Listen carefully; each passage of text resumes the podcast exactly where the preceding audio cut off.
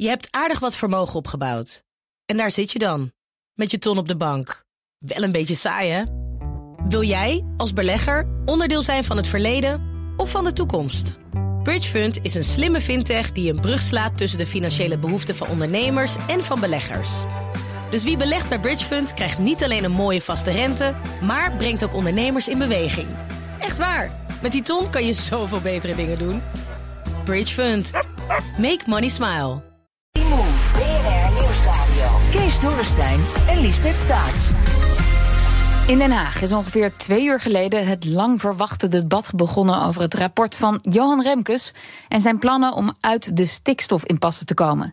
En dat is nogal een palet van gevoelige kwesties. Het uitkopen van die piekbelasters, de uitspraak van de Raad van State gisteren over de bouw die geen schop in de grond mag duwen zonder stikstofvergunning.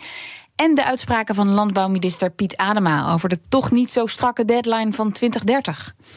Politiek verslaggever Leonard Beekman volgt dat debat. En ook bij ons is de onderzoeker naar stikstofmetingen in Nederland, emeritus hoogleraar Leen Hoordijk. Goedemiddag allebei. Goedemiddag. Goedemiddag. Leendert, jij volgt dat debat. Nou, die grootste pijnpunten, lagen die ook meteen op tafel? Alles is al besproken. Alles, is, uh, op, ja, alles ligt op tafel. Uh, ja, dan zijn er een paar dingen die er echt uitspringen. En dan hebben we het bijvoorbeeld ook over perspectief. De vorige landbouwminister die moest natuurlijk weg... omdat er geen perspectiefbrief kwam. Piet Adema kwam daarvoor terug. Ja, en het is nu nog steeds wachten op perspectief. En dat duurt Jesse Klaver van GroenLinks veel te lang. Waar mijn zorg zit, is dat er nog steeds geen perspectief is. Dat er nu eigenlijk door de minister van Landbouw wordt gezegd... nou, er komt een landbouwakkoord, we gaan met de boeren inderdaad overleggen... Maar weet u, als ik boeren spreek, dan zeggen zij... wat ik wel eens zou willen weten, is wat voor vergoeding krijg ik eigenlijk... als ik dan natuur inclusief ga landbouwen? Of als het waterpeil omhoog moet? Of als ik naar een andere manier van, van werken moet? Wat is dan mijn verdienmodel?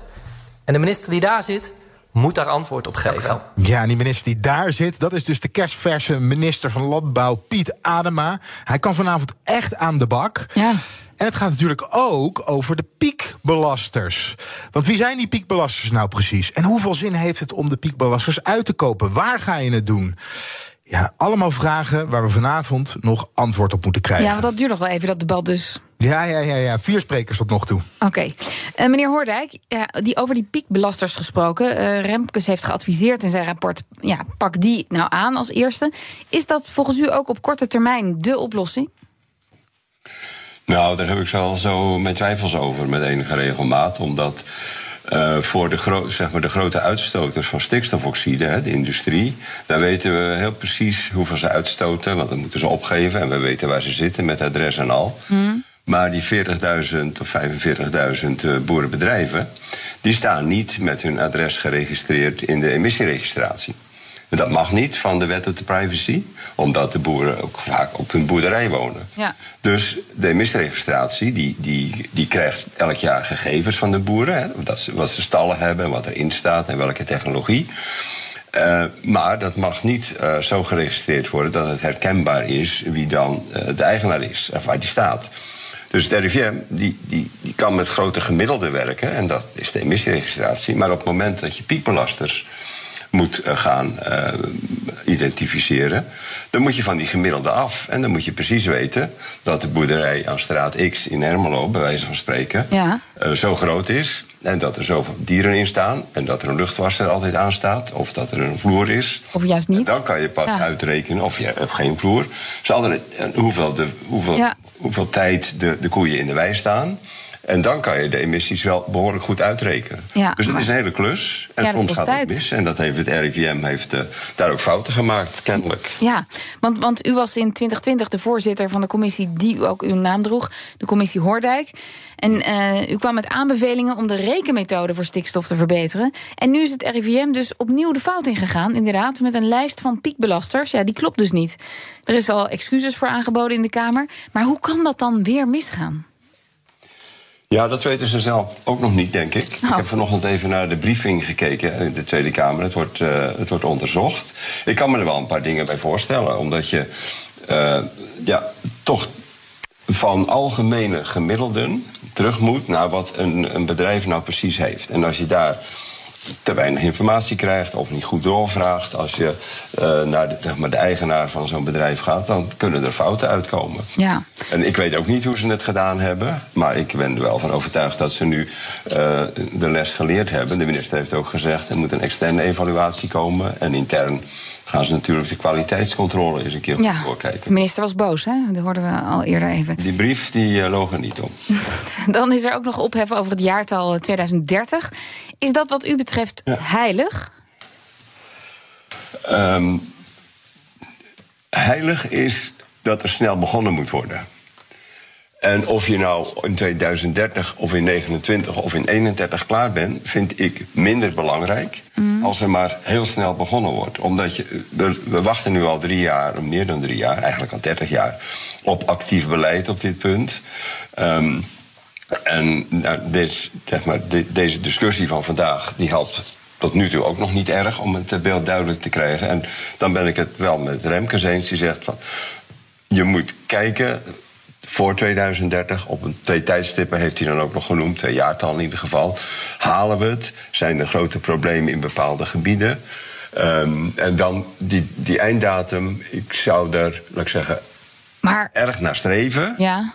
Maar niet als het ware zodanig in de wet zetten dat je daar weer allerlei juridische procedures mee krijgt. Want ja, maar aan de andere kant. Met de manier waarop het er nu in staat. Maar aan de andere kant is er niet een datum nodig bij zo'n grote operatie. om iedereen hetzelfde doel voor ogen te geven. Want ja, om het, om het werkbaar te houden, zeg maar. Ja. Ja, ik zeg ook niet dat je hem niet moet hebben, maar het is zo gauw uh, gejuridiseerd. Ja. Um, dat, dat heb je gezien met, met KDW in de wet. Dat heb ik ook al een paar keer gezegd. Dat, dat zou je nooit op deze manier moeten doen. Dat je op een duizendste mol per hectare per jaar wordt afgerekend. Uh, ja, want legt u dat nog even kort uit in twee zinnen. Die kritische depositiewaarde, die KDW, ja. hoe wordt die nu ja. gebruikt? Die, die, de kritische depositiewaarde is een risico-indicator van wat de natuur aan kan aan stikstof. Als het, als het langdurig te veel is, heb je een risico dat de natuur achteruit gaat. Nou, in veel gebieden is het al heel lang te veel geweest, dus de natuur is achteruit gegaan. En die gebruik je als indicator voor de kwaliteit van de natuur. Maar dat wordt dan vergeleken met de depositie. Die, is, die, wordt berekend op basis van metingen. We hebben heel veel meetpalen in, in Nederland staan, over de 300. En daar wordt een model bij gemaakt en die berekent dan hoeveel er op een bepaald natuurgebied naar beneden komt. Dat heeft ook zijn grenzen qua uh, zekerheid. Hm. Dus in de, in de berekeningen die nu gedaan worden, dan wordt er op 1 hectare naar beneden geschaald, naar beneden gerekend. Nou, wij hebben gezegd, daar is, daar is de wetenschap niet goed genoeg voor om dat te doen. Dus je kan niet de, de kritische depositiewaarde vergelijken met een depositiewaarde van berekend op 1 hectare. Ja. Dus, dus u zegt eigenlijk. het probleem. Ja. Dus zo gauw het in de wet staat, eh, op deze manier, op deze hele precieze manier. Ik zeg altijd, je blijft die KDW gebruiken. Maar wel op een wetenschappelijk verantwoorde manier. Ja, want de KDW's, er zijn honderden publicaties over verschenen ja. in de afgelopen 30 jaar. Die staan wel goed als een huis wetenschappelijk gezien. Maar ze hebben ook hun beperkingen. Ja. En een van die beperkingen is de ruimtelijke schaal. En Leendert, die, die kritiek die klinkt ook in Den Haag hè, op die KDW. Ja, Caroline van der Plas stond er net en zij heeft over de KDW gesproken. Zij zegt, ja, we nemen dat op in de wet met een resultaatverplichting. En door dat te doen halen we onszelf de problemen op de hals. En je hoort ook kritiek over ja, natuurherstel, hè, daar gaat het natuurlijk over. En terug, hè, die KDW's in de wet zetten... Uh, betekent niet dat de natuur ook gaat herstellen. He, die is niet zo. Uh, het is niet wetenschappelijk bewezen dat als je alleen naar die KDW's kijkt. Dat dan, dan de, de, natuur herstelt. Want het hangt, het, er zijn meer risico indicatoren. Ik sprak Van der Wal voor het debat nog heel eventjes. En zij zegt, ja, maar er is nu nog geen alternatief. Precies, uh, er is geen alternatief dat juridisch houdbaar is. Het zijn twee verschillende dingen. Hè. Wij hebben als uh, doelstelling uh, de kritische depositiewaarde in de wet verankerd. Dat is eigenlijk een resultaatverplichting. Dat is eigenlijk een, een bindende opdracht aan onszelf als overheid... dat we het ook echt gaan doen. Nou, en dat is in het stikstofdossier best wel nodig, zeg ik erbij. Daarnaast is de KDW een instrument waar ecologische ecologen meewerken. En voor je ecologische onderbouwing voor vergunningverlening en aantonen dat de natuur niet verder verslechtert, is er geen ander alternatief dan die KDW. Ja, dus dan moet het maar even met de KDW. Uh, moet ik wel zeggen dat het, overgrote deel van de Kamer wel erkent, de, en van de plas ook, er is een probleem met stikstof. En stikstof kan of heeft. Uh, sommige partijen zijn ervan overtuigd dat echt de reden is dat de natuur uh, mm -hmm. uh, verslechtert. Natuurlijk invloed op de natuur, maar hoe groot die invloed dan is, ja, daar gaat die discussie een beetje over. Heeft alleen naar stikstof kijken, is dat genoeg? Ja. En dan zegt de minister ook al van nee, we moeten ook naar water, naar grond, naar luchtkwaliteit kijken. Maar dat doen we later. We gaan eerst even met stikstof beginnen. Ja, en uh, meneer Hoordijk, is, zijn er inderdaad andere instrumenten die we daar ook bij zouden kunnen gebruiken? Op het ogenblik niet. Dat je, zoals uh, Leendert ook zei. Uh, dus, er zijn natuurlijk allerlei factoren die de natuurkwaliteit beïnvloeden. Een van de hele grote is de stikstofdepositie. Maar natuurlijk, de grondwaterstand, de manier waarop de bosbeheerder omgaat met het bos. Biodiversiteit. Dat zijn ook. En, en ja. ja, de biodiversiteit is daar dan weer een gevolg van. En ja, er is nu een ecologische autoriteit uh, opgericht hè, op verzoek van de Kamer. Die is net begonnen, althans de, de, nieuwe, de oude directeur van het Planbureau voor de Leefomgeving trekt nu de ecologische autoriteit. En die moet kijken naar een bredere, op een bredere manier naar natuur, natuurherstel. Ja. Maar mijn ervaring is dat natuurherstel toch vrij langzaam plaatsvindt. Je kan niet zeggen van de depositie is uh, in een jaar tijd met 30% verminderd en volgend jaar zien we het natuur, de natuurherstel. Dat gebeurt niet zo snel. Ja. Het, dit, ja, de natuur heeft tijd nodig. Het bodemverzuring in de jaren 80, het heeft 20 jaar geduurd voordat het verzuurd was. Ja. Uh, dus, en ook weer daarna 20 jaar voordat het hersteld was. Maar hoe, le hoe leest u dan dat rapport van uh, Johan Remkes? Lukt het om aan de hand van dat rapport tot natuurherstel te komen?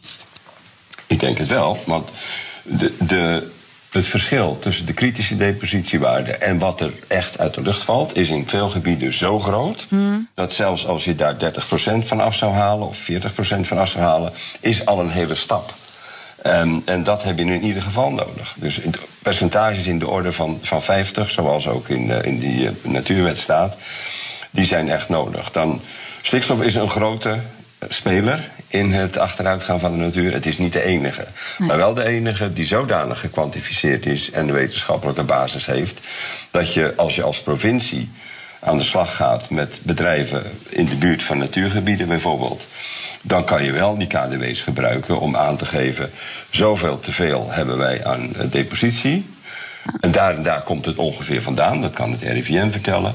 En dan kan je dan in overleg gaan van waar gaan we wat reduceren. Ja. Nou, dan, voel ik toch wel weer een, uh, uitstoot. een plattegrondje aankomen, een kaartje. In, in de, op de provincie, ja, een kaartje. Kijk, dus aan, neerdalende moleculen stikstofoxide zit geen label waar het vandaan komt. Daar heb je dus de modellen voor nodig. Die, die kunnen uitrekenen met, met windrichtingen en, chemische formules en zo. Dit, dit komt uit Tata Steel, uit de richting van Tata Steel. En dit komt veel dichterbij. Ja. Dus ammoniak, dat komt van boerderijen. En die heb je nodig. Dat is niet per se een kaartje. Je kan er een kaartje van maken. Maar uh, het, het is standaard uh, wetenschappelijk werk van RIVM en KNMI en TNO. Ja, ze moeten er geen fouten en maken. Daar kunnen ze mee aan de slag. Hier moeten we het uh, bij laten. Dank jullie wel. Politiek verslaggever Leendert Beekman. Succes nog met dat debat. En emeritus hoogleraar Leen Hoordijk. Je hebt aardig wat vermogen opgebouwd. En daar zit je dan. Met je ton op de bank. Wel een beetje saai, hè? Wil jij, als belegger, onderdeel zijn van het verleden of van de toekomst? Bridgefund is een slimme fintech die een brug slaat tussen de financiële behoeften van ondernemers en van beleggers. Dus wie belegt bij Bridgefund krijgt niet alleen een mooie vaste rente, maar brengt ook ondernemers in beweging. Echt waar. Met die ton kan je zoveel betere dingen doen. Bridgefund. Make money smile.